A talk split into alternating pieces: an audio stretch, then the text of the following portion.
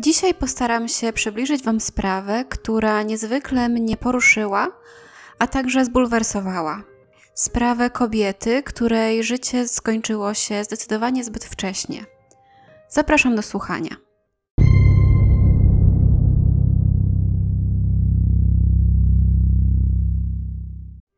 Jessica Easterly urodziła się 17 sierpnia 1976 roku. Jessica miała dwie siostry, Audrey i Amandę, z którymi wychowywała się w Ocean Springs w stanie Mississippi. Miała również brata, lecz ten niestety umarł zaledwie godzinę po narodzeniu. W dzieciństwie Jessica dużo czasu spędzała z siostrami i swoim kuzynostwem w domu swoich dziadków. Opisywana jest jako zabawna, towarzyska, osoba, która bardzo lubiła żartować. Jessica była znana ze swojej otwartej osobowości. Niestety jej rodzice rozwiedli się, gdy ta była jeszcze małym dzieckiem. Jej matka ponownie wyszła za mąż, a Jessica wraz z siostrami zamieszkała z nią oraz nowym ojczymem. Jessica bardzo lubiła swojego ojczyma i wkrótce on również stał się dla niej bardzo bliski. Kobieta studiowała na Uniwersytecie Południowej Alabamy. Uzyskała tam tytuł licencjata z audiologii i patologii mowy oraz tytuł licencjata z psychologii. W 2010 roku poznała Justina. Justin był od niej o 3 lata starszy i podobno była to miłość od pierwszego wejrzenia. Oto jak Jessica opisała to wydarzenie na jednej ze stron internetowych. Na pytanie, jak się poznali, odpowiedziała: Najłatwiejsza odpowiedź brzmi: na łodzi. Zostałam zaproszona na łódź przez moją przyjaciółkę i jej chłopaka. Weszłam na pokład i zobaczyłam najprzystojniejszego mężczyznę, jakiego kiedykolwiek widziałam. Nie mogłam oderwać od niego oczu. Przyłapałam go na tym samym. Widziałam go kilka razy później, ale straciłam kontakt z przyjaciółką, kiedy wróciłam do Ocean Springs. Rok później zadzwonił mój telefon i to był on, Justin. Umówiliśmy się i rozmawialiśmy i śmialiśmy się do piątej rano. To umocniło moje poczucie, że powinniśmy być razem i że to naprawdę była miłość od pierwszego wejrzenia. Powiedział mi, że czuje to samo. Oboje wiedzieliśmy od chwili, gdy się zobaczyliśmy, że pewnego dnia będziemy razem. Oto jesteśmy, prawie cztery lata później, i nadal jesteśmy szaleńczo zakochani, nawet bardziej niż wczoraj i przedwczoraj. W 2012 roku Jessica przeprowadziła się do Nowego Orleanu, aby być bliżej Justina. Para pobrała się w 2015 roku. Jessica opisuje to w ten sposób. Wesele odbyło się w Hard Rock Casino and Hotel w środę 25 lutego 2015 roku. Odbyło się w apartamencie fortepianowym, w bardzo małej, kameralnej grupie bliskich przyjaciół i rodziny. Nasze kolory to granat, srebro i róż. Druchny nosiły granatowe sukienki, a pan młody i drużbowie granatowe koszule na guziki i srebrne krawaty. Byli całkiem szykowni i przystojni. Wszyscy nosili albo niestandardowe japonki, które robię, albo własne. Temat był morski i plażowy. Pokój był ozdobiony świecami i muszlami. Odbywało się to o zachodzie słońca, gdy słońce zachodziło za nami. Ceremonia była piękna i wzruszająca, zwłaszcza gdy odczytano spersonalizowane przysięgi. Kiedy ceremonia się zakończyła, wszyscy zostali na małe przyjęcie z ciastem i szampanem. To był piękny ślub. Och, moja suknia była z kości słoniowej, bez pleców i miała krótki tren. Była satynowa i wspaniała. Życie Jessiki nie było jednak idealne. Jessica cierpiała na fibromialgię, czyli przewlekłą, niezapalną chorobę reumatyczną tkanek miękkich. Przez tą chorobę cierpiała na przewlekłe zmęczenie oraz oczywiście ból całego ciała. Choroba Jessiki była tak zaawansowana, że otrzymywała ona nawet rentę z jej tytułu. Gdzieś czytałam, że z racji swojego wykształcenia pomagała dzieciom w problemach logopedycznych, ale nie wiem, czy była to jej stała praca, Czy kiedyś to robiła, a już nie robiła, czy po prostu była to jakaś działalność charytatywna? Niemniej na pewno mogła się utrzymać dzięki tej rencie z tytułu swojej choroby. Czasie, gdy działa się ta historia, czyli w 2019 roku, Jessica miała 43 lata, mieszkała w Nowym Orleanie w Luizjanie z mężem Justinem, swoją 15-letnią pasierbicą Grace oraz swoim teściem. Jessica i Grace łączyła bardzo silna więź, nie tak jak w bajkach o złej macosze. Kobieta i nastolatka naprawdę się kochały. Przyjaciele i rodzina Jessiki mieszkała w różnych stanach. Jessica mieszkała w Nowym Orleanie w Luizjanie, a jej siostry w Mississippi. Jessica miała również bardzo bliską przyjaciółkę Marię.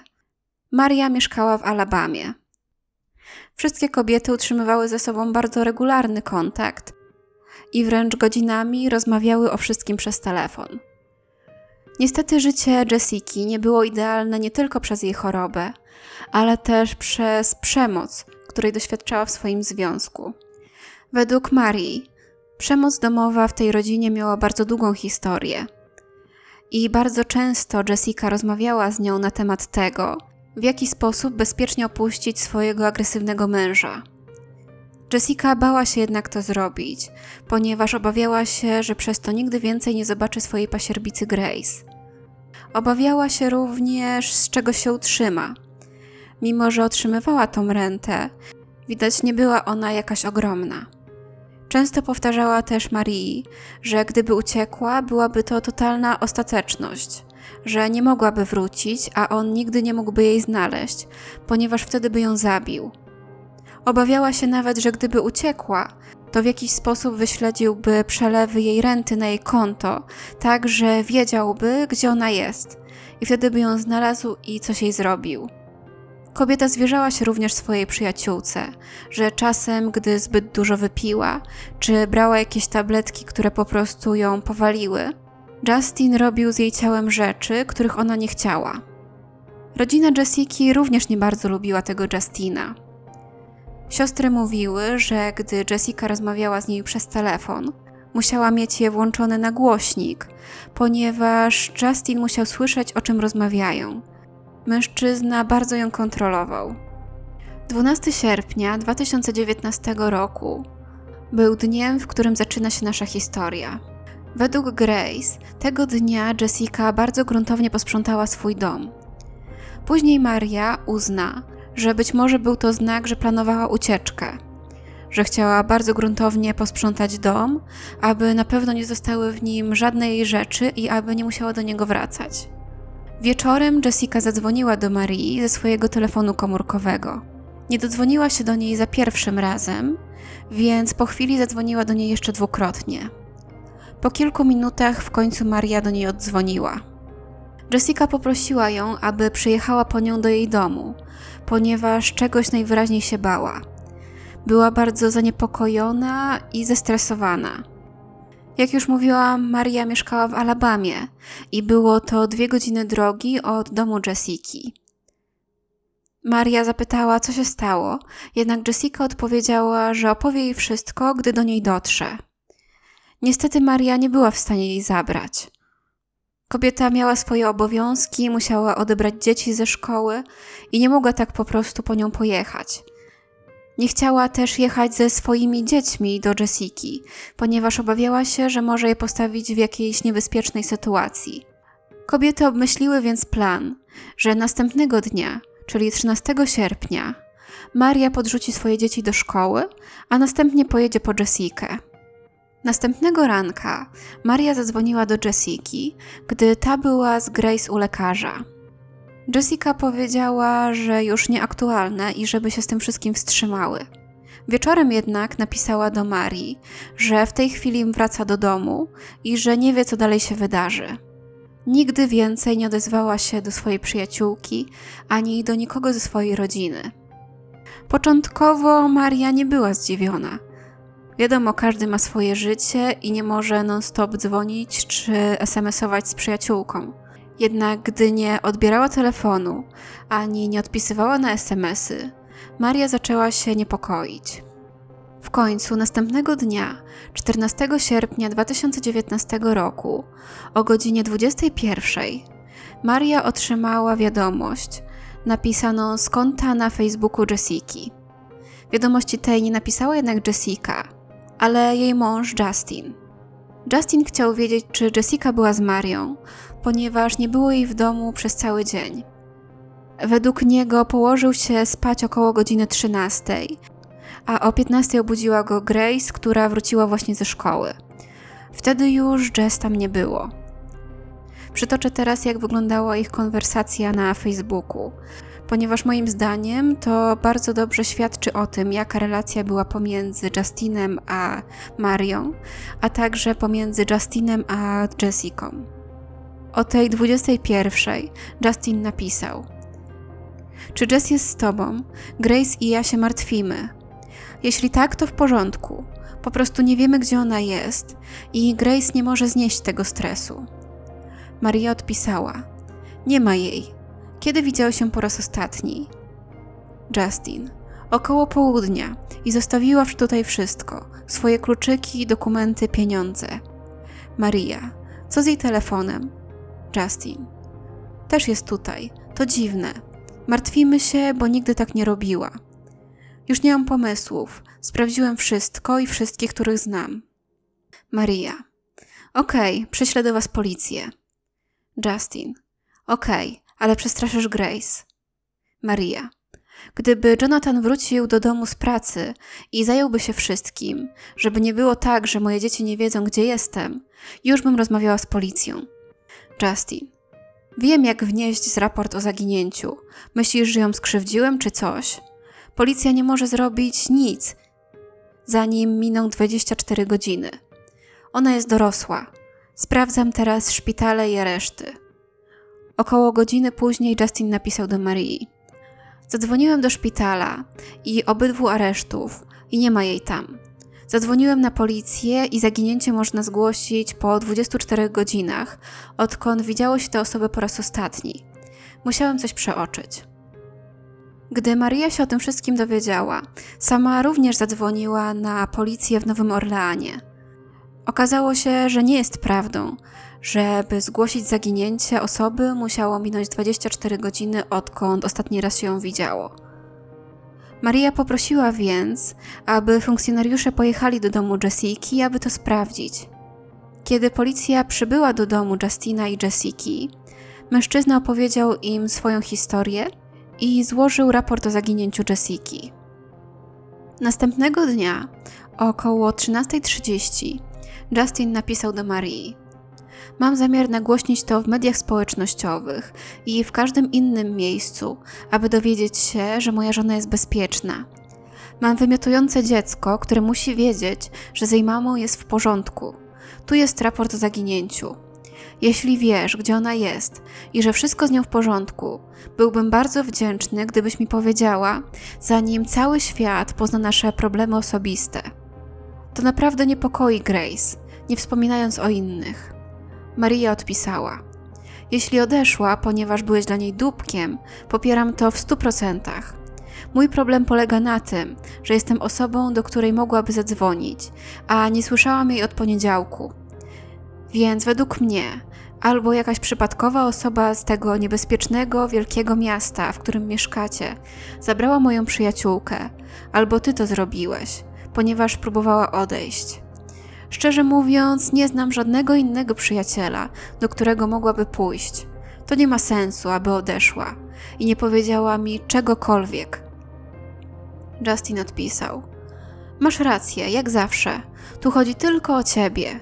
Dzięki za pomoc jej i nam w tej sytuacji. Maria: Nie. Jeśli się ze mną skontaktuje, dam ci znać, że jest bezpieczna, ze względu na Grace. Justin: Szczodry z ciebie człowiek. Rodzina Jessiki również zaczęła się o nią bardzo martwić. Wciąż jednak mieli nadzieję, że po prostu odeszła od swojego męża i że czeka gdzieś w jakimś motelu czy tego typu miejscu, aż sprawa trochę ucichnie, aby móc się z nimi skontaktować. Jej siostra Audrey wiedziała jednak, że coś jest zdecydowanie nie tak, gdy przyszedł 17 sierpnia, czyli urodziny Jessiki, i ta nie skontaktowała się z nimi. Jessica nigdy nie zrobiłaby czegoś takiego, że nie porozmawiałaby ze swoją rodziną w ten wyjątkowy dzień. Wtedy już wiedzieli, że najprawdopodobniej stało się coś bardzo złego. 19 sierpnia o godzinie 17.33 Maria wysłała na telefon Jessiki wiadomość. Jeszcze coś? Opublikowałam kilka postów wideo na jej koncie w piątek. Justin odpisał jakieś 40 minut później. Próbuję podtrzymać Grace na duchu i nie widziałem tego. Nie jestem na Facebooku. W międzyczasie Justin napisał do Marii ze swojego telefonu komórkowego. Maria, nie masz pojęcia, co tutaj robię z ludźmi, którzy chcą pomóc. Doceniam posty i wierz mi, kiedy mówię, że nie przestanę. Mówimy o całym moim życiu. W cokolwiek wierzysz, to jest poza moją kontrolą. Maria odpisała. Dobrze wiedzieć, na przykład kto, jak się nazywają, aby policja mogła z nimi współpracować w poszukiwaniach. Justin. Myślisz, że nie rozmawiam telefonicznie czy osobiście z policją? Daj spokój, Maria. Maria. Powiedziałeś, że masz ludzi, którzy jej szukają. Masz na myśli policję czy swoich przyjaciół? Po prostu nie jestem pewna, co ludzie tutaj znaczą. Próbuję zrozumieć. Justin. Przyjaciele w stacji telewizyjnej, z którymi studiowałem. Kierownik K9. Szef Straży Pożarnej. Nie mam czasu na wypisywanie wszystkich z Central Casting na czele. 22 sierpnia 2019 roku, czyli tydzień po zaginięciu Jessiki, jej siostry Amanda i Audrey wraz z ich kuzynem Dagiem pojechali do Nowego Orleanu. Chcieli osobiście porozmawiać z policją, a także zorganizować poszukiwania. Przed spotkaniem z policjantami postanowili jednak rozejrzeć się po okolicy. Chcieli znaleźć dobre miejsce, w którym mogłaby się rozpocząć zbiórka osób, które chciałyby poszukiwać Jessiki.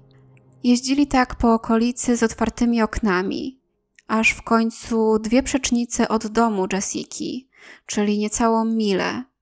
Zaniepokoił ich jakiś nieprzyjemny zapach. Zapach ten skłonił ich do wyjścia z samochodu i przyjrzenia się bliżej, co to jest. Odrej podeszła do linii drzew w jakimś zalesionym terenie i znalazła tam ciało swojej siostry.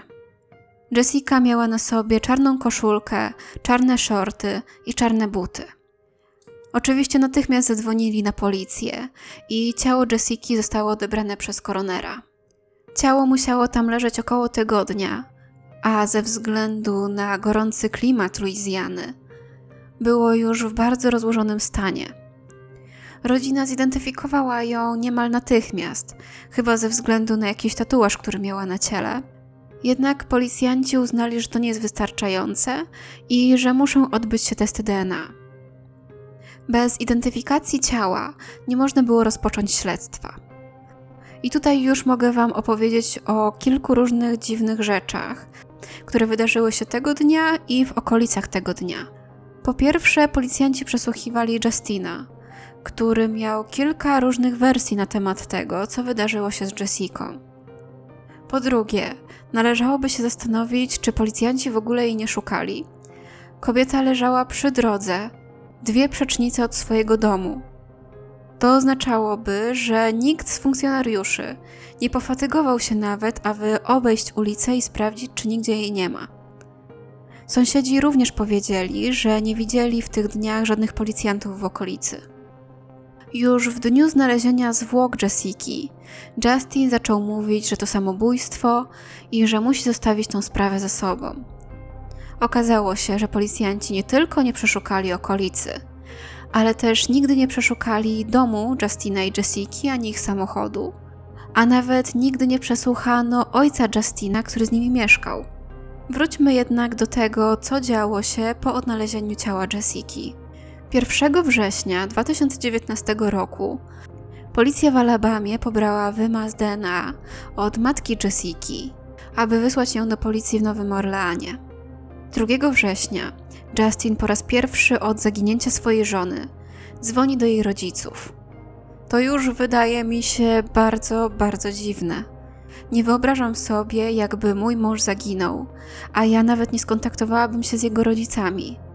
Już nie mówiąc o tym, że skontaktowałabym się z nimi chociażby po to, aby się upewnić, że nie jest u nich. Oczywiście wciąż w tle toczyła się sprawa identyfikacji ciała Jessiki. Rodzina wciąż dopytywała, czy już coś wiadomo, czy już coś wiadomo. Ciało znaleziono w sierpniu, a był październik, kiedy odkryto, że te DNA, które matka przekazała w celu porównania z DNA zwłok, nigdy nie zostało wysłane do laboratorium. Okazało się, że ktoś na posterunku policji w Nowym Orleanie po prostu położył próbkę na jakieś biurko i nikt potem o tym nie pamiętał. W końcu jednak tą próbkę przesłano do laboratorium. 8 listopada otrzymano oficjalne potwierdzenie, że DNA matki Jessiki pasuje do DNA znalezionego ciała. W końcu, po prawie trzech miesiącach odnalezienia ciała, można było rozpocząć śledztwo. W grudniu 2019 roku Justin założył dwa konta na stronie, na której można zbierać datki na jakieś cele, prosząc o pomoc w opłaceniu pogrzebu Jessiki. Na jednym koncie zbierał datki na pogrzeb Jessiki, a na drugim na pogrzeb Vivien. I tutaj należą Wam się małe wyjaśnienia. Nie mówiłam Wam o tym wcześniej, jednak Justin i Jessica kręcili jakieś filmy pornograficzne pod swoimi pseudonimami Vivian i Lance Anderson. Nie mówiłam wam o tym wcześniej, abyście nie skupiali się na tym i nie spoglądali na Jessica jak na jakąś gwiazdę porno, która nie daj Boże zginęła, bo się sama o to prosiła, a na kobietę, która miała normalne życie, miała swoje marzenia, plany i swoje problemy. Maria coś tam wiedziała o tym, że Jessica ma takie alter ego, ale nigdy nie widziała tych filmów. Mówiła, że raczej żartowały sobie z tego w stylu prześlij mi filmy swoich stóp, a zarobisz pieniądze. Rodzina Jessiki nie miała o tym pojęcia. Justin powiedział jej, że ma jakąś wtyczkę, która blokuje treści w poszczególnych stanach, aby jej rodzina nigdy tego nie znalazła. Oczywiście nie miał takiej wtyczki, tylko takiej powiedział. Co ciekawe, Justin udostępniał posty i filmy z nimi, nawet po tym, jak dowiedział się, że Jessica już nie żyje. Co więcej, na tej stronie do zbierania datków napisał: Jeśli przekażesz darowiznę, otrzymasz ekskluzywne zdjęcia, filmy, bieliznę, a nawet buty. Tak, chciał zbierać na pogrzeb Jessiki, wysyłając jakimś obcym ludziom w zamian za darowiznę rzeczy osobiste swojej zmarłej żony. 15 stycznia 2020 roku opublikowano w końcu raport z autopsji. Raport wykazał, że Jessica doznała urazu nosa, niewielkiego złamania szczęki, złamania żebra i złamania kręgu szyjnego. Jeśli się nie mylę, był to krąg C4. Lekarz sądowy nie był jednak pewien, czy obrażenia były związane z jej śmiercią. Policjanci argumentowali, że mogły one powstać przy przenoszeniu zwłok. To już wydaje mi się jakieś komiczne.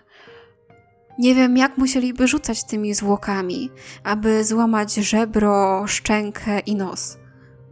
Wydaje mi się raczej, że w tego typu sprawach delikatnie przenosi się zwłoki na nosze nie tylko ze względu na jakiś szacunek dla zwłok, ale też ze względu na to, że mogą być na nim jakieś dowody. Co do tego kręgu szyjnego, z tego co rozumiem, jeżeli zostanie uszkodzony ten konkretny kręg, zostanie również przerwany nerw, który przewodzi impulsy z mózgu do płuc i dzięki którym możemy oddychać. Przepraszam za moje toporne tłumaczenia, ale nie jestem lekarzem. Tak więc, jeżeli ktoś przeżyje nawet złamanie tego kręgu, najprawdopodobniej będzie musiał być pod respiratorem do końca swojego życia. Do uszkodzenia najczęściej dochodzi w wypadkach samochodowych pod wpływem takiego szarpnięcia lub pod wpływem duszenia. Podczas autopsji wykonano również badania toksykologiczne. Niestety, ze względu na rozkład ciała, musiały zostać one wykonane bezpośrednio z wątroby. Testy okazały się być pozytywne dla metamfetaminy i bupropionu. Lekarz sądowy nie był jednak pewien, czy te leki miały jakiś związek ze śmiercią Jessiki. Nie dało się również określić ich dawki i nie wiadomo, czy była ona śmiertelna. Tutaj rodzina tłumaczy, że Jessica musiała zażywać różne leki ze względu na swoją chorobę. Ostatecznie jednak lekarz sądowy uznał śmierć Jessiki za nieustaloną. To sprawiło, że policja ustaliła, że śmierć Jessiki była nieklasyfikowana, a nie była zabójstwem, ponieważ było według nich niewiele dowodów na to, że została zabita. Oczywiście z tą decyzją nie zgadzała się rodzina Jessiki. Teraz już ciało Jessiki mogło zostać wydane rodzinie, jej najbliższej rodzinie, czyli mężowi. 24 stycznia 2020 roku ojczym Jessiki oraz jej siostra Audrey pojechali do Nowego Orleanu, aby ponownie spotkać się z policją. Dowiedzieli się, że policjanci uważali tę sprawę za tak zwany cold case. Za sprawę, w której nie ma już żadnych nowych tropów i tak naprawdę jest zamknięta. Było to dość dziwne, ponieważ minęło ile? Pół roku od śmierci Jessiki, a już uważali ją za cold case. Zazwyczaj za sprawy tego typu uznaje się sprawy, w których od jakiegoś morderstwa czy śmierci minęły lata, czy nawet dziesiątki lat, a nie pół roku. Tego samego dnia Justin zostaje zatrzymany na 24-godzinną obserwację po tym, jak kobieta w barze, również o imieniu Jessica, zgłosiła jego dziwne zachowanie na policji. Kobieta powiedziała, że ten zachowywał się jak wariat i powiedział jej, że jego żona również ma na imię Jessica i że popełniła samobójstwo. Nalegał, aby wzięła ubrania Jessiki. 15 marca 2020 roku para mieszkająca w Nowym Orleanie skontaktowała się z Audrey i powiedzieli jej, że znaleźli dowód osobisty i koc. Dowód osobisty oczywiście należał do Jessiki. Znaleźli go zaledwie 15 metrów od miejsca, w którym 7 miesięcy wcześniej znaleziono ciało Jessiki. Audrey oczywiście zadzwoniła na policję i przekazała im to wszystko. Policjanci powiedzieli, że oczywiście skontaktują się z tą parą i zabiorą od nich te przedmioty. W związku z tym, że Audrey nie dostała żadnej odpowiedzi, Niecały miesiąc później, czyli 7 kwietnia, zadzwoniła ponownie do tej pary, aby zapytać ich, na czym sprawa stanęła. Para ta powiedziała jej, że nikt się z nimi nie skontaktował i że nie przyjechała do nich żadna policja, aby zabrać ten dowód i koc. 14 kwietnia Audrey złożyła oficjalną skargę na policję Nowego Orleanu za niestosowanie się do właściwego dochodzenia w sprawie śmierci Jessiki Easterly. Cztery miesiące później, 6 sierpnia, otrzymała odpowiedź na swoją skargę. Minęły cztery miesiące, mimo że kobieta próbowała popchnąć tę sprawę do przodu, dzwoniąc i wysyłając wiadomości. W odpowiedzi dostała informację, że skarga ta była bezpodstawna, a śledztwo w sprawie nieklasyfikowanej śmierci Jessiki pozostaje aktywne i otwarte. 1 września para, która znalazła dowód osobisty oraz kod Jessiki, skontaktowała się z Audrey i powiedziała jej, że policjanci w końcu do nich przyszli i zabrali od nich ten dowód oraz kod. Jak Audrey policzyła na swojej stronie internetowej, dotarcie do nich zajęło policji 170 dni. Tymczasem ciało Jessiki wciąż było w kostnicy, w Wigilię Bożego Narodzenia 2020 roku Audrey napisała, że Jessica jest w kostnicy już od 490 dni. Justin nigdy nie odebrał ciała swojej żony, a także nie odbierał też telefonów od rodziny Jessiki, która dzwoniła do niego, aby wyraził zgodę, aby oni mogli odebrać ciało Jessiki i zapewnić mu należyty pochówek. W końcu 2 lutego 2021 roku, po 530 dniach w kostnicy, koroner wydał ciało Jessiki jej rodzinie. Wydał je z powodu braku kontaktu z jej mężem. 16 lutego odbył się jej pogrzeb, Było to małe spotkanie dla najbliższej rodziny. Ze względu na pandemię, jej rodzina zdecydowała się, że będą czcić jej życie w późniejszym terminie, kiedy będzie to już bezpieczne. W maju 2021 roku Audrey stworzyła petycję internetową do prokuratora okręgowego Nowego Orleanu, aby to on zbadał śmierć Jessiki. W tym też czasie amerykańska youtuberka, która zajmuje się sprawami kryminalnymi, Kendall Ray, opublikowała historię Jessiki na swoim kanale. Zaapelowała również do swoich widzów, aby podpisali tę petycję internetową. Tak więc petycja szybko zyskała ponad 20 tysięcy wymaganych podpisów. I już 48 godzin po tym, jak film został opublikowany, prokurator okręgowy skontaktował się z rodziną, aby umówić spotkanie. Według Audrey spotkanie się odbyło, ale w tej chwili nie mogą go komentować. Biuro prokuratury opublikowało również oświadczenie. Prokurator okręgowy Williams jest absolutnie gotów spotkać się z rodziną Jessiki Easterly, aby omówić tę okropną sprawę. Jest również zobowiązany do ponownego zbadania tej sprawy świeżym okiem i ponownego przyjrzenia się wszystkim związanym z nią faktom i dowodom. W tej i każdej innej sprawie w Nowym Orleanie prokurator okręgowy Williams jest oddany szukaniu sprawiedliwości. 28 sierpnia 2021 roku prokurator okręgowy poprosił opinię publiczną o wskazówki dotyczące tajemniczej śmierci Jessiki. Poprosił o te wskazówki podczas konferencji prasowej, na której matka Jessiki zakwestionowała sposób prowadzenia tej sprawy przez Departament Policji. Rodzina Jessiki wierzy, że ta została zamordowana w dniu, w którym zaginęła, a jej ciało zostało porzucone w pobliżu lasu przez jej zabójcę.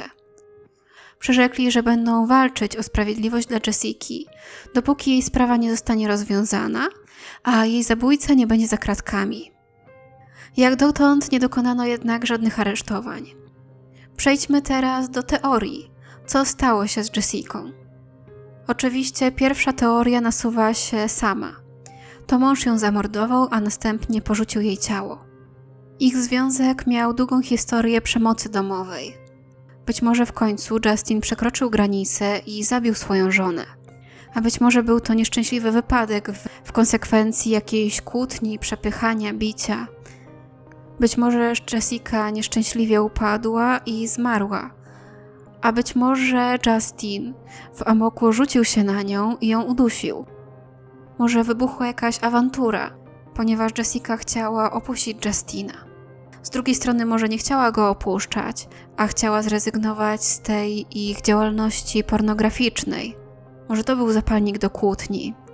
Być może Justin nie chciał zrezygnować z dochodu z tego tytułu. Akta sądowe pokazują również, że Justin był już wcześniej aresztowany pod niepowiązanymi zarzutami o napaść, bezprawne posiadanie broni palnej, przyczynienie się do przestępstwa nieletniego, naruszenia warunków zwolnienia oraz przemocy domowej. Druga teoria głosi, że być może Jessica zamordował ktoś zupełnie dla niej obcy. Może wyszła z domu bez niczego, bez kluczy, telefonu, pieniędzy. Tak po prostu. Albo po kłótni z Justinem. Wyszła z domu i stało się coś złego, być może było to coś przypadkowego, jak potrącenie, po którym kierowca stracił głowę i porzucił kobietę przy tych zaroślach. Lub było to coś nieprzypadkowego. Być może ktoś ją zgwałcił. Być może grasował tam jakiś wariat morderca. Nie wiem, czy wiecie, czy nie wiecie, ale Nowy Orlean jest dość niebezpiecznym miastem. Obszar, w którym mieszkała Jessica i Justin, jest jednak jednym z niewielu obszarów, który nadal uważany jest za całkiem bezpieczny. Sąsiedzi twierdzą, że jest mała szansa na to, że coś mogłoby jej się tam stać w biały dzień i nikt by nawet tego nie zobaczył. Sąsiedzi są również dość czujni w stosunku do siebie nawzajem. Istnieje nawet strona na Facebooku, na której obserwują i zgłaszają różne przestępstwa. Wielu z nich ma również kamery przy swoich domach i drzwiach. Nie zostało jednak opublikowane żadne nagranie, które pokazywałoby Jessikę wychodzącą z domu. A tym bardziej Jessikę, na którym jest ze swoim mordercą, na którym dzieje się jej coś złego. Kolejna teoria jest dość powiązana z tą poprzednią, jednak mówi o tym, że kobieta nie została zabita przez kogoś przypadkowego, ale przez jakiegoś obsesyjnego fana, który ją śledził. Kobieta wraz ze swoim mężem działała na stronach, na których kręcą się różni ludzie. Niektórzy całkiem normalni, a inni nie. Być może ktoś miał na jej punkcie obsesję. Śledził ją i gdy zobaczył, że wyszła z domu, napadł ją i zamordował. Mogła oczywiście również wyjść na spotkanie z kimś, kto ją zamordował. Maria nie wiedziała jednak o żadnej osobie, do której mogłaby pójść. I też gdyby miała taką osobę, pewnie w tego wieczoru 12 sierpnia zadzwoniłaby do tej osoby, aby po nią przyjechała, a nie do Marii, która była w innym stanie. Wydaje mi się również, że gdyby się z kimś umówiła, to wzięłaby ze sobą telefon czy portfel. Chociażby po to, aby skontaktować się z tą osobą, gdyby nie przyszła, czy wiecie jak to jest. Kolejna teoria głosi, że było to samobójstwo. Jessica od dawna była ofiarą przemocy domowej. Być może miała również jakieś inne problemy, o których niekoniecznie musimy wiedzieć. W jej wątrobie wykryto leki. Być może postanowiła popełnić samobójstwo przez przedawkowanie. Miejsce, w którym znaleziono jej ciało, również nie było za bardzo oddalone od jej domu. Było to miejsce, do którego mogła śmiało dojść pieszo i nie musiałaby do niego dojeżdżać autem czy żadnym środkiem komunikacji publicznej. Jednak czy popełniłaby samobójstwo przy jakiejś drodze w krzakach? To już nie wydaje się takie prawdopodobne. Przy jej ciele nie znaleziono również żadnych opakowań, jakichś tabletek, butelek czy strzykawek. A raczej takie by były, jeżeli postanowiłaby tam popełnić samobójstwo. Nie wydaje mi się, że po prostu wzięłaby te tabletki w kieszeń, a potem wyciągnęła je w jakichś krzakach, zażyła i czekała na śmierć. Jej rodzina również twierdzi, że Jessica nie mogła popełnić samobójstwa i że nie wiedzieli o żadnych problemach, które mogłyby ją do tego popchnąć. Z drugiej jednak strony, rodzina często nie chce wierzyć w to, że ktoś z ich bliskich mógłby popełnić samobójstwo, że nie przyszedł ze swoim problemem do nich i postanowił po prostu skończyć swoje życie i zostawić ich. I też jej rodzina nie wiedziała o jej karierze w branży pornograficznej, więc tak nie do końca musieli o niej wszystko wiedzieć. Mogło być to również przypadkowe przedawkowanie, ale znów, czy kobieta zażywałaby jakieś wielkie ilości leków przy jakiejś drodze w krzakach? To raczej mało prawdopodobne. I to już właściwie wszystko, co mam Wam dzisiaj do powiedzenia. Sprawa jest dalej w toku. Policja twierdzi, że działa nad nią. Jednak strasznie wkurza mnie ich opieszałość. To, że próbka DNA matki Jessiki leżała na jakimś biurku przez dwa miesiące. To, że przez siedem miesięcy nie mogli skontaktować się z parą, która znalazła dowód Jessiki. To, że Jessica leżała przy jakiejś drodze przez tydzień, dwie przecznice od jej domu i nikt jej nie znalazł. To wszystko niezwykle mnie denerwuje. Wiem, że policja ma na głowie mnóstwo spraw, że pewnie funkcjonariuszy jest za mało jednak tu wygląda, jakby się zupełnie nie starali, jakby mieli to po prostu gdzieś, chcieli jak najszybciej zamknąć śledztwo i mieć to z głowy. Napiszcie mi koniecznie w komentarzach, co myślicie o tej sprawie. Czy macie jakieś inne teorie niż te, które przedstawiłam tutaj? A tymczasem trzymajcie się bezpiecznie i do usłyszenia niedługo.